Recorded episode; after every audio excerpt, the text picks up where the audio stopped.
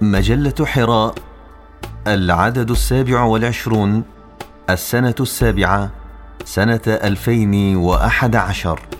ألوان وظلال بقلم الأستاذ فتح الله جلن.